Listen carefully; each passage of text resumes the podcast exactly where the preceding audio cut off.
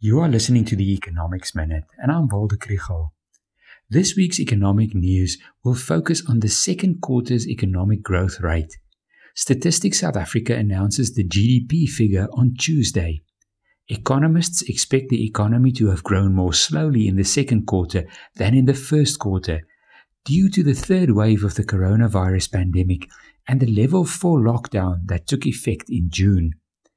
As farmers' problems dissolve in rainwater, the challenges facing South Africa are smaller when the economy grows strongly. As the economy grows, jobs are created. Perhaps not as many as we would like, but jobs are created. As the economy grows, businesses make investment and government's budget deficit and debt burden become more sustainable. As the economy grows, we can reduce poverty. The best way to support the recovery of the economy now is for as many people as possible to get the vaccination.